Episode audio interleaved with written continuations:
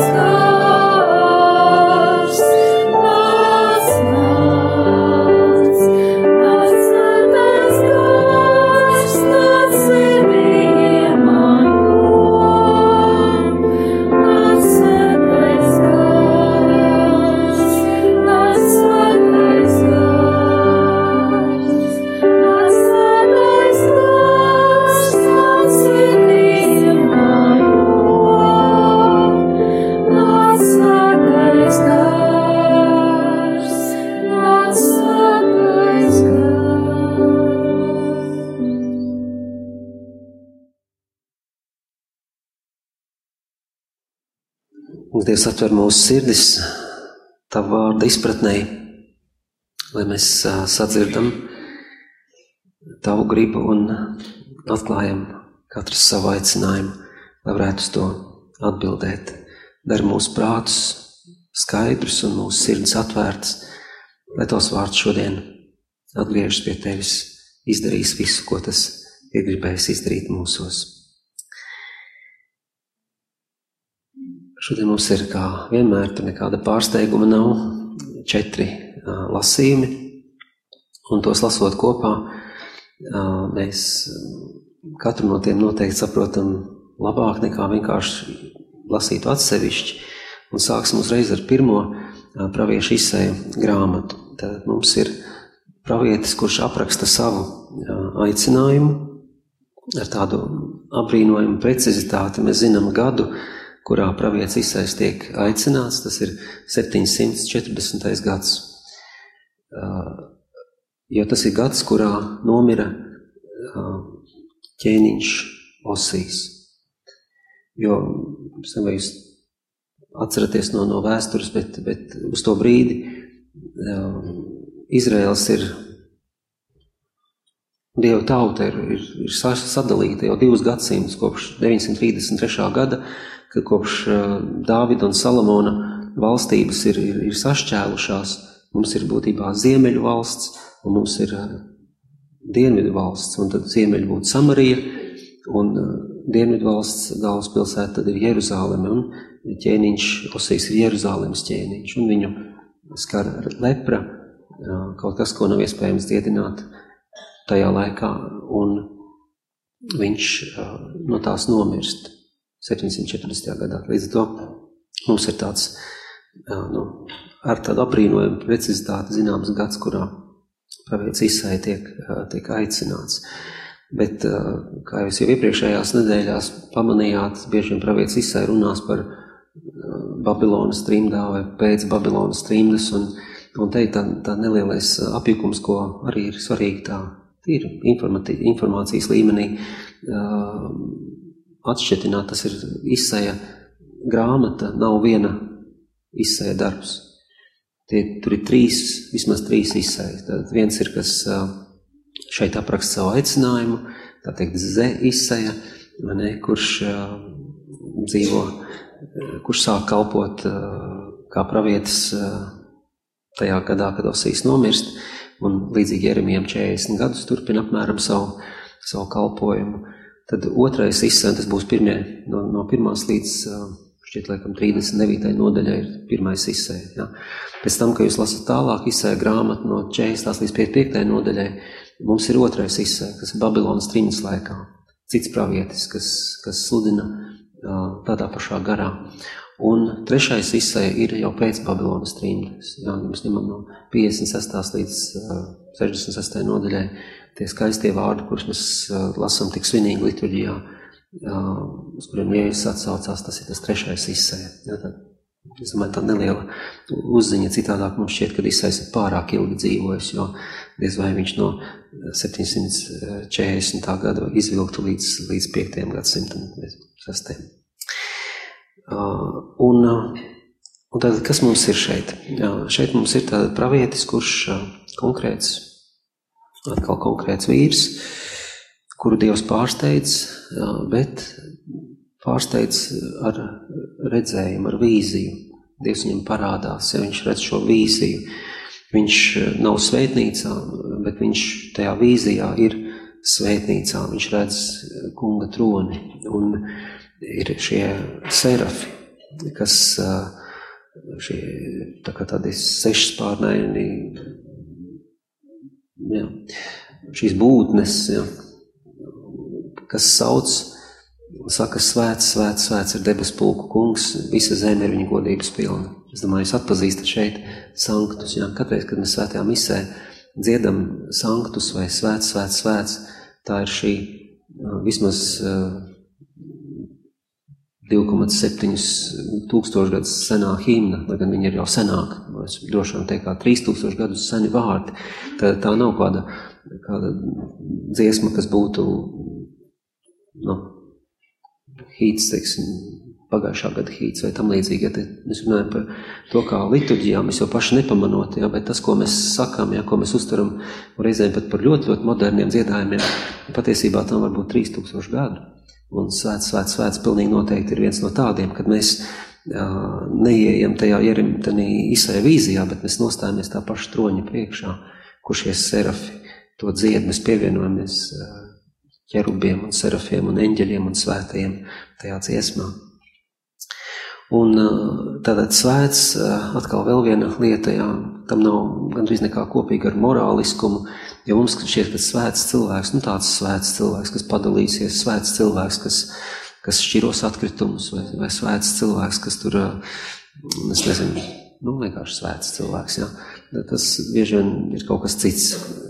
Kad šeit Bībele saka svēts, tur ir runa par šo, ka tas ir pilnīgi kaut kas cits Dievs ir pilnīgi atšķirīgais, pilnīgi citādais nekā mēs. Un, un, un tas ir tik svarīgi šajā vīzijā, ka vispirms tiek pateikts, lūk, Dievs, kas ir absolūti transcendents, Dievs, kas pārspēj visu, Dievs, kas ir pāri visam, Dievs, kas ir pilnīgi atšķirīgs nekā mēs. Un tagad šis Dievs viņa priekšā to pārņem bailes. Tā vēl nav tā bijība vai dieva bijāšana. Un izsais viņš, atcerieties, līdzīgi kā Jeremijs aicināts, viņš teica, bet es esmu vēl jauns, es neprotu runāt, viņš ir kautrīgs jauneklis, un Dievs dod viņam misiju, un viņš kļūst par Dievu vārdu nesēju, drošu, viņš iet caur pūļiem, viņš iet, iet pie karaļa, viņš iet, iet cauri, caur žogiem. Jo Dievs ir viņu, viņu Dievs aicinājis, Dievs viņam devis to, to lai viņš varētu izpildīt savu misiju. Un šeit visais savukārt viņš jūtās netik daudz varbūt nepieredzējis, vai tās viņš pēc dabas varbūt nav kautrīgs, bet viņš jūtas nešķīsts, viņš jūtas aptraipīts, viņš jūtas grēcīgs, necienīgs, redzēt Dievu. Kur no vēl, ka Dievs ar viņu runātu, kur no vēl, ka Dievs viņam uzticētu kādu uzdevumu, kur no vēl, ka Dievs ar viņu rēķinātos un kaut ko padarītu atkarīgu no viņa jā vai viņa nē. Un visais viņš saka, bēda man, bēda man, es esmu nolemts nāvē, es esmu vīrs ar aptraipītām lūpām. Šī svētā Dieva priekšā mēs tajā gaismā redzam, cik mēs visi esam aptraipīti. Un, un Dieva atbilde parasti ir nebīsties, tā kā Jeremijam, ja? tā kā Pēterim. Bet šeit Dievs neko nesaka, kāš viņš sūta vienu no šiem ķerubiem, vienu no šiem serafiem, pareizāk sakot, kur rokās ir kvēloša ogle, un viņš pieskarās manām lūpām, un tā šķīstī kā uguns, šķīstīs brūci. Karavīri bieži vien nekā citādāk nevar paņem vienkārši vienu lodi, izjauc, saber šaujam pulveri un aizdedzina, lai to brūci piededzinātu. Un tādā veidā ne, Dievs, Dievs šo brūci piededzina. Viss tā to nenodarīs pāri. Tavs, tavu vaina ir atlaista, tavs grēks ir atlaista, tavu vaina ir izdzēsta. Aicinājums, kurā absolūts svētais sastopot grēcīgo, nebaidās, bet saka, top dziedināts, top šķīsts man te ir kaut kas, ko, ko, jā, ko pateikt. Un tad it kā starp citu, jā, kunga balss atskan. Žēl, ka mums nav pat audio, kur nu vēl video no tās tikšanās, bet uh, es varētu iedomāties Dievu, kurš tā, hmm, interesanti, ko lai mēs varētu tagad tā sūtīt, kurš gan mums ies? Un ja līdz tam Isais saka, bēda man, ko es te daru,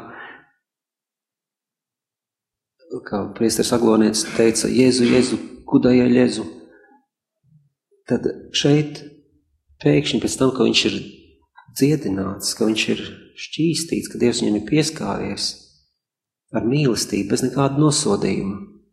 Ja tu domā, ka tā tava vaina traucē, labi, paņemam to nost.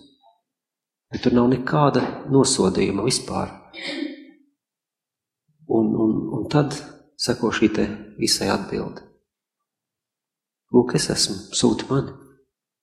Un, un, un līdzīgi Jeremijs to pasaka, līdzīgi Isais pasaka, līdzīgi viņi visu to pasaka, lūk, es esmu, sūti mani. Un sākas 40 gadu garš kalpojums. Tā kā, ja tu šodien pateiksi Dievam jā, tu vari domāt, ka līdz 2059. gada februārim tev būs ko darīt. Pilnīgi noteikti ja Dievs to, protams, neatsauks ātrāk. Tā kā aicinājums, kur par izsaju nekā laba nav ko pateikt, nav arī nekā daudz slikta ko pateikt, mēs neko par viņu nezinām. Aicinājums, kas nav atkarīgs no izsaja īpašībām vai pat morāliskās stājas, vienīgais, no kā ir atkarīgs viņa aicinājums ir viņa pieejamība. Viņa šī atbilde, lūk, es esmu, sūti mani. Tas ir vienīgais, ko Dievs sagaida. Eņģelis neatkāpjas no Marijas, kamēr viņa nepasaka, lūk, es esmu kunga kalpone. Lai man notiek pēc tavu vārdu. Nu, ļoti labi, tajā brīdī eņģelis var aiziet. Un mēs varam pēc šī pirmā lasījuma, un es ceru, ka, teiksim, tie, kas klausāties rādījos, arī varat mieram tū pasakot līdzi, varbūt pat pirms tam pārlasīt vēlreiz šos lasījumus, ja? paskatīties, te nav runa par izsaju, vai tikai par Dieva tautas aicinājumu, te ir runa par katru aicinājumu, tā skaitā kristīgu aicinājumu, tā skaitā tavēju. Dievs grib, lai tas dialogs, kas nekad nevar beigties, vai dažiem nevar sākties ar Dievu, lai tas noslēdz ar vārdiem, lūk, es esmu, sūti mani. Un tad, tad, tad sākas stāsts par tevi. Līdz tam tā ir tikai tāda prelūdija. Um, psalmā, ko mēs dzirdējām, mums ir arī mums ir parādīts apmēram tā, kāds ir rezultāts, ja tu atsaucies uz aicinājumu. Visi zemes karaļi tev pateiksies, dzird, jo dzirdēs tavs mutes vārdus.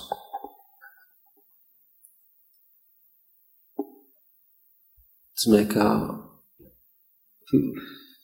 tam, tam tavam aicinājumam ir, ir globāla ietekme. Par to mēs esam tik daudz runājuši, bet tā vairāk nepakavēšos.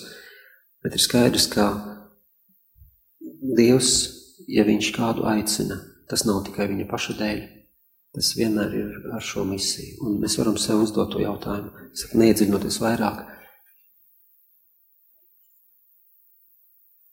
Vai mēs atliekot Dievam, jā, esam gatavi uzņemties atbildību par to labumu, kas nenotiek pasaulē, kas varētu notikt, ja mēs beigtu attaisnoties. Jo tie attaisnojumi katram no mums tie ir, un to ir ļoti daudz. Mums nav skaļi jāsaka. Mūsu sejas to pasaka. Mūsu dzīve to pasaka. Es esmu pa vecu. Kur tad es? Es vairs neko, mana dzīve jau galā. Arī es vēl pa jaunu, es vēl tikai skolā eju. Arī es pārāk aizņemts, man bizness ir, vai es tur tāds, es tur tāda, es tur, es ne tādā vietā dzīvoju, es tur dzīvot kaut kur Amerikā, tad jā. Un visi šie argumenti, lai kas vai būtu, nāk no mūsu nešķīstības. Tie nāk no tā, ka mēs neesam Dieva žēlastībā. Tas ir grēks, kas mūsos to saka. Lai kāds arī būtu mūsu attaisnojums. Šodien mēs tiekam aicināti apklust Dievu priekšā un vienkārši pateikt, lūk, es esmu sūti mani. Un Dievs pats zinās, ja tu esi kautrīgs kā Jeremijs, viņš tev dāvās drosmu. Ja tu būsi nešķīst, Dievs tev šķīstīs, vienalga, Dieva gars izdarīs. Un, un ja tu pateiksi jā, ja tu atbildēsi Dievam ar šo lūk, es esmu sūti mani, zemes valdnieki slavēs Dievu. Tu nespēji iedomāties, cik daudz spēja viena patsmetgadīga meitenīte vai gandrīz simtgadīgs vīrs, ja viņš pasaka Dievam jā. Raksti ir pilni šiem piemēriem. Tam sarakstam var pievienot tavēju, ja tu vēlies.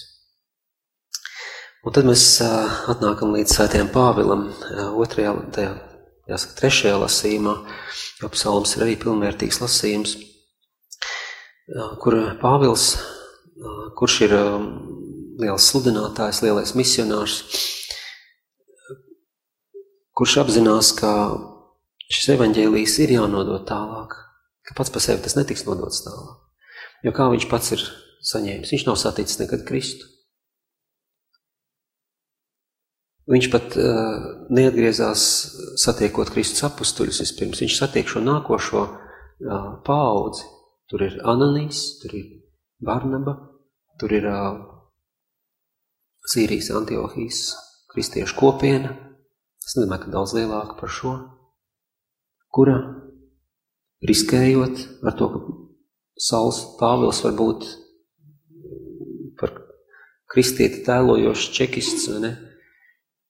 Viņi viņu pieņem, un viņi viņam pasludina labo vēsti. Viņam paskaidro, kas ir tas Kristus, ko viņš satika uz Damaskas ceļa. Un Pāvils tādu šo labo vēsti uh, saņem no baznīcas, no konkrētiem cilvēkiem, kas riskējot savu dzīvi, viņam to pasludina. Ananīs, Barnaba, Antiohijas kristiešu draudz. Tā ir, tas ir viņa avots. Tas ir tur, tā ir tā kopiena, kas izperēja Pāvilu. Jā, tā ir, tā, un tā ir parasta kopiena. Pāvils to nebija dibinājis. Vienkārši kristieši, kas gadījās tur, kur gadījās Pāvils. Un tad šis aicinājums nav vairs tikai runa to, es tagad būšu tā kā Rembo, baigais misionārs, ja? bet ir runa par kopienas aicinājumu. Tāpat kā psalmā tas parasti vienmēr ir kolektīvais es, vai ne? Tad vai mēs kā kopiena arī nesakam to pašu, ko saka Jeremijs un Isaija, un vēlāk Pēteris un pirms tam Pāvils? Vai mēs nesakam, ka mēs esam nepiemēroti, nu kas tad mēs esam, kā, kādu misiju te var būt runa? Kā, par kādu misiju vispār var runāt? Mēs pat par to nerunājam. Tas nav dienas kārtībā, mums nav nekāda plāna, mums nav ne mazākās idejas, no kā sākt neviena datuma. Tā ir, tā ir šī situācija. Ja? Un, un tā ļoti labi atspoguļo arī, ka mēs arī individuāli nesam visticamāk savu misiju pieņēmuši. Ja mēs būtu, mēs kopienā meklētu sev līdzīgos. Mēs būtu kā sauls, kurš, kurš atrastu kopienu, kas, kas ir misionāra, kas, kas, kas var viņu izaudzināt, kas viņu var darīt par apustuli, kas viņu var darīt par mācekli un sūtīt, sludināt. Un kāds milzīgi, kāda milzīga ietekme ir Antiohijas kristiešiem uz pasaules evanģelizāciju. Tā mums deva svēto Pāvilu. Mēs esam savu ticību parādā tiem cilvēkiem, kas devās uz Antiohiju, lai tur pasludinātu Kristu, lai izveidot šo kopienu. Šī kopiena mums deva Pāvilu. Tad iedomājieties, kāds potenciāls, kāds apslēpts, kāda kodola enerģija ir šajā draudzē, kur mēs katrs varam kļūt kā Pāvils, bet kur mēs varam, kas var, kas var, kas var pilnībā mainīt pasaules vēsturi. Jā, pasaka, kā jaunais izsēja, lūk, es esmu, sūti mani. Un uh, Pāvila, tad viņš, viņš saka to, ko es esmu saņēmis, un saņēmis šajā gadījumā no, no vienkāršiem kristiešiem, to es jums pasludinu. Un tas, ko Pāvils pasludina, tā, tā labā vēsts, ir super vienkārša. Tā ir vēsts par Jēzu Kristu, kas jau pats par sevi ticības apliecinājums, ka Jēzus ir Kristus. Ja? Tad par šo Kristu šo vēsturisko personu, ja mēs pēc tam to varam atpasināt visā, visādā veidā, bet tātad Kristus, kurš saskaņā ar rakstiem mira un saskaņā ar rakstiem augšām cēlās. Tas viss. Tā ir tā labā vēsts. Nāve, augšām celšanās divos vārdos var pateikt visu Pāvila vēsti.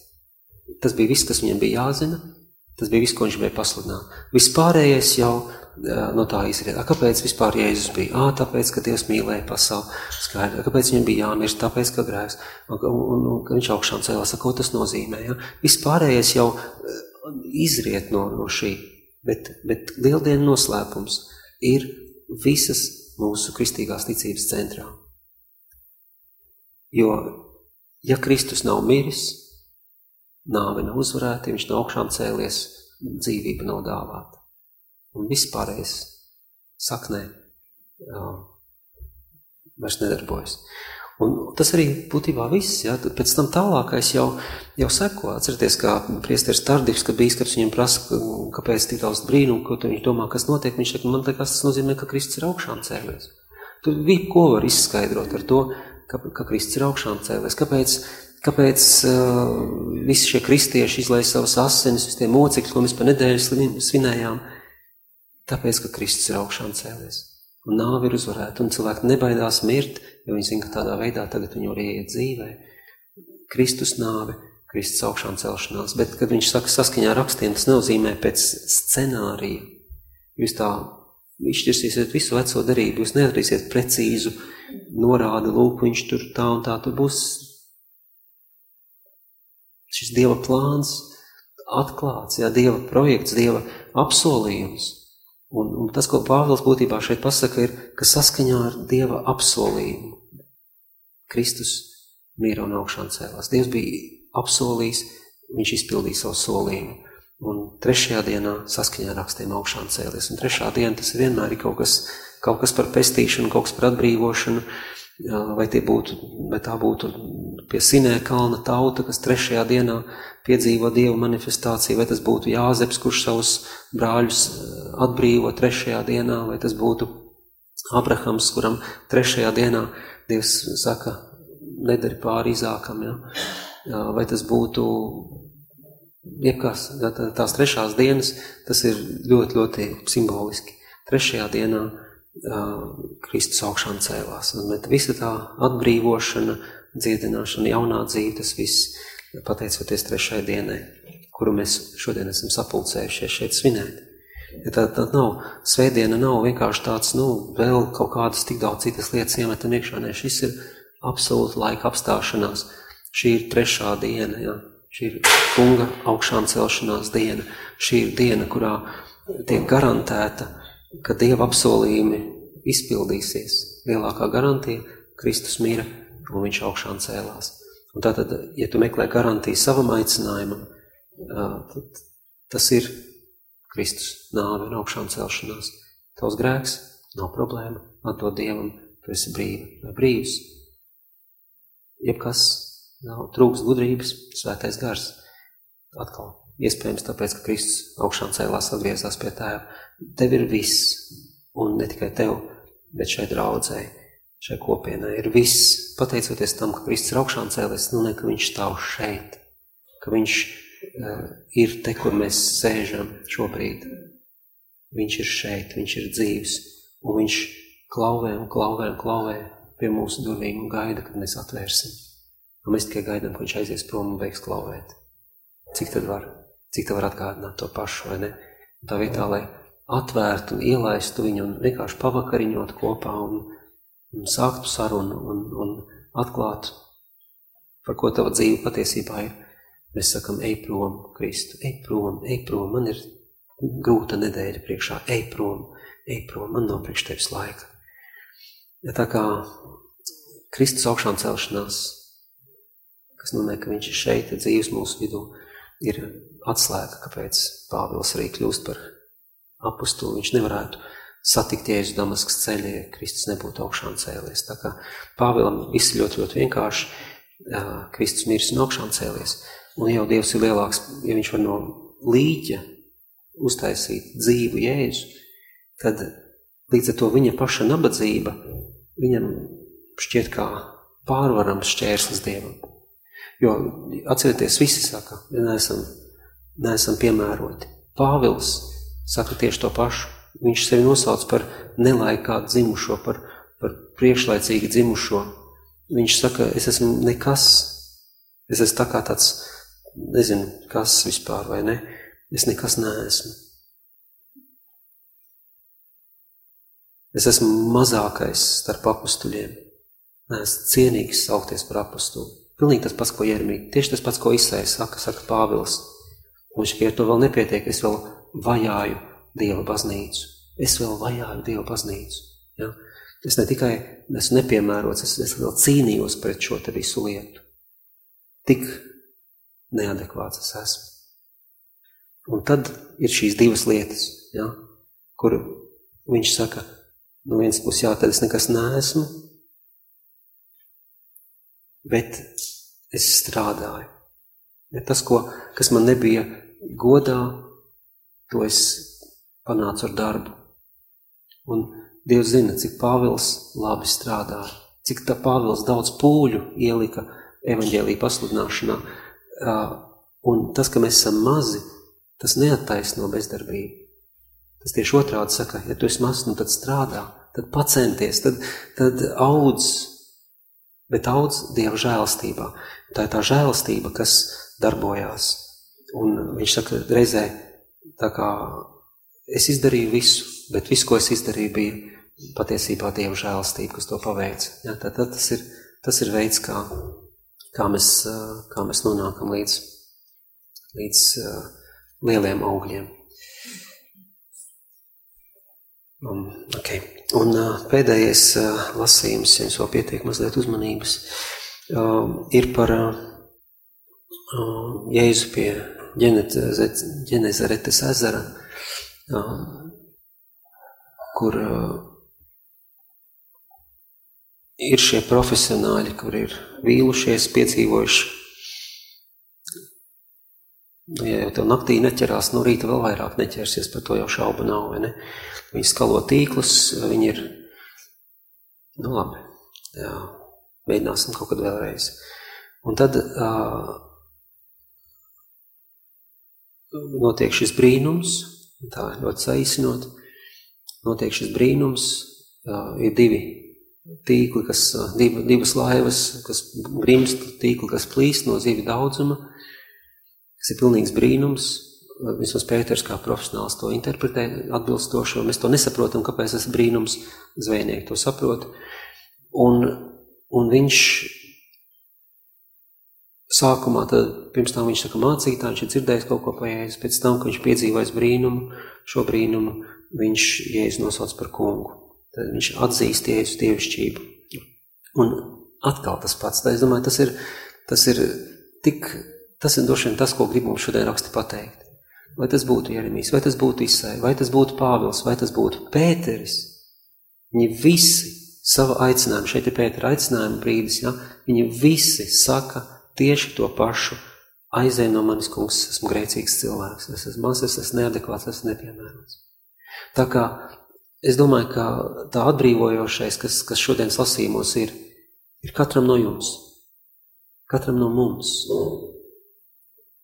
Ja mēs šodien jūtamies neadekvāti lieliem darbiem, mēs jūtamies neadekvāti šīs pasaules pārmainīšanai, labās vēsts par Kristus nāvi un augšām celšanos pasludināšanai, lai kāds būtu ielīmējis savu neadekvātumu aprakstu šeit. Ja? Vienkārši Mēs varētu katrs teikt, un mēs uzreiz, mēs, mēs vairāk kā vienu lietu, nu, pilnīgi noteikti varētu minēt, kāpēc mēs pilnīgi noteikti nedaram. Kāpēc mēs cilvēcīgi ņemot esam pilnīgi nepiemēroti, lai būtu pa Kristus lieciniekiem šodienas pasaulē. Es domāju, ka mēs varam desmitos mērīt šos argumentus, kāpēc ne. Bet tā vietā var būt līdzīgi Pēterim. Un izsējumiem mēs jūtamies grēcīgi līdzīgi Pāvilam vai Jeremijam, ja mēs jūtamies nepiemēroti. Skatīsimies uz kungu un ieklausīsimies, ko viņš mums saka. Un pilnīgi noteikti viņš teiks, nebaidies, un Pētera gadījumā pasties uz zivīm, kuras tu noķēri. Gribi saskaiti. Un tagad tu būsi cilvēks vainīgs. Un tas vārds zvejot, jo Lūkas, mēs esam šeit Lūkas evaņģēlijā, Lūkas ļoti skaisti spēlē sa vārdiem, ne? Tas ir, burtiski laikam sanāk, paņemt dzīvi. Paņemt dzīvi. Un ja, ja attiecībā uz zivīm, kurām ūdens ir dabīgā vide, ja tu viņu paņem dzīvi no ūdens ārā, tu viņu nogalini. Saka, bet Jēzus saka, tagad tu paņemsi dzīves cilvēkus, tagad es tev daru par glābēju. Tu būsi glābējs, kas no ūdens vēl kārā cilvēks, bet ja cilvēku izvelk no ūdens, atskaitot, ja pilsonis vienkārši nav no rīta devies papeldēties, un tad mēs viņam sabojām rītu, bet, bet principā cilvēks slīkst, un mēs viņu paņemam dzīvu, izraujam no ūdens, tieši to pašu darbību veicot, ko veicam zivīm, mēs viņu izglābjam. Un, un, un Jēzus Pēterim šeit saka, būtībā, redzi, tu, tu ņēmi, tagad tev ir iespēja dot, darot to pašu darbību, zvejojot, ja, tikai zvejojot cilvēkus, ja līdz tam tu atņēmi dzīvību, tagad tu dosi dzīvību. Un, un atkal mūsu dzīvē, ne? Jēzus paņem kaut ko, viņš saka, tagad, tagad tu būsi cilvēks vainīgs. Ja, tagad, tagad eh, tu zvejosi cilvēkus. Tā ir tā lielā, lielā raža. Dievam nevajag citas lietas. Viņam viss pārējais ir, bet vienīgais, kāpēc ir vajadzīgi cilvēki, tas ir cilvēku glābšanai. Bez cilvēka nevar cilvēku glābt. Jo cilvēks ieveda cilvēku grēkā, Ieva, Ādamu, Ādams, Ievu, Ievu čūskajā, bet tas bija cilvēki, kas ielaida grēku pasaulē. Un mums kā cilvēkiem ir jābūt tiem jaunajiem Ādamiem un jaunajām Ievām, kas izvelk cilvēkus ārā no šī grēka. Tieši tāpat, kā mēs viņus tur ievedām. Un, un tā, ir, tā ir tā misija. Izraut cilvēkus no nāves, izraut cilvēkus no kapa, ļaut viņiem augšām celties. Un, un mēs zinām, jocīgākais ir tas, ka mēs visi to zinām. Bet mums nav sajūga, nav saķeres. Mēs joprojām, es pieļauju, vairums no mums joprojām uzskatām, jā, bet, bet ka mums tas tieši neatiecās. Un Dievs turpina stāvēt pie durvīm klauvēt, un klauvēt, un klauvēt. Bet šodien, es nezinu, vai varbūt lielāka autoritāte kā Dieva vārds, šodien Dievs saka tev, kā viņš saka Pēterim, nebīsties. Nebīsties. Un tik tālu mēs esam turpat, kur izsais Jeremijs, Pāvils un Pēteris. Bet Kas ir atšķirīgs pie Izsaja un pie Pāvila un pie Jeremija un pie Pētera? Tas ir tas nākošais teikums. Mēs visi aizējam līdz tam, baznīcā es domāju, ka mēs nevaram ne, neaiziet līdz tam, ka mēs apzināmies, ka Dievs mūs dara par lieciniekiem. Par viņu mācekļiem vispirms un tad par lieciniekiem. Bet tas viens pēdējais teikums – kas šeit seko. Mēs esam tā kā sunim pārkāpuši, bet atliek vēl tikai astei pārkāpt. Un, un mēs apstājamies īsi pirms tam. Un, un, un, un tur nav tā sajūta, saķeris vairs. Ka mēs, jo ko, ko dara uh, Isais, viņš saka, lūk, es esmu sūti mani. Ko saka Pāvils? Uh, mēs varam lasīt viņu vēstulēs. Ko dara Pēteris?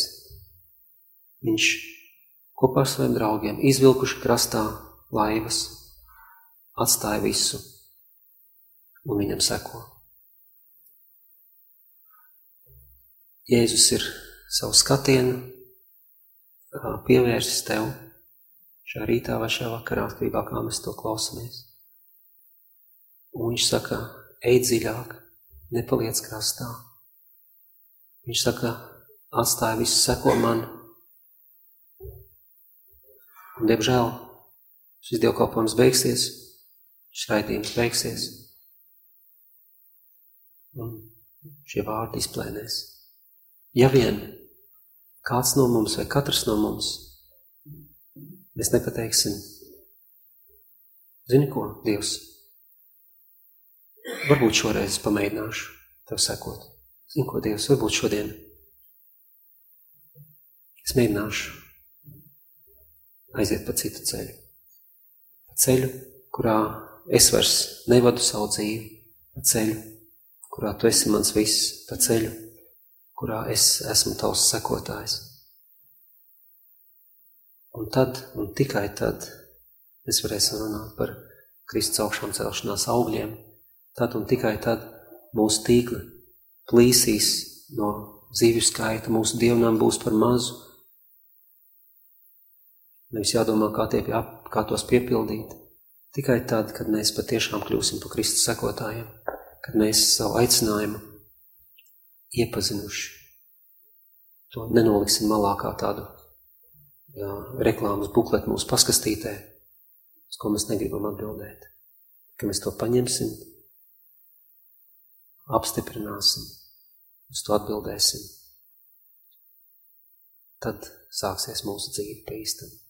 Vispārējais ir tikai prelūdija.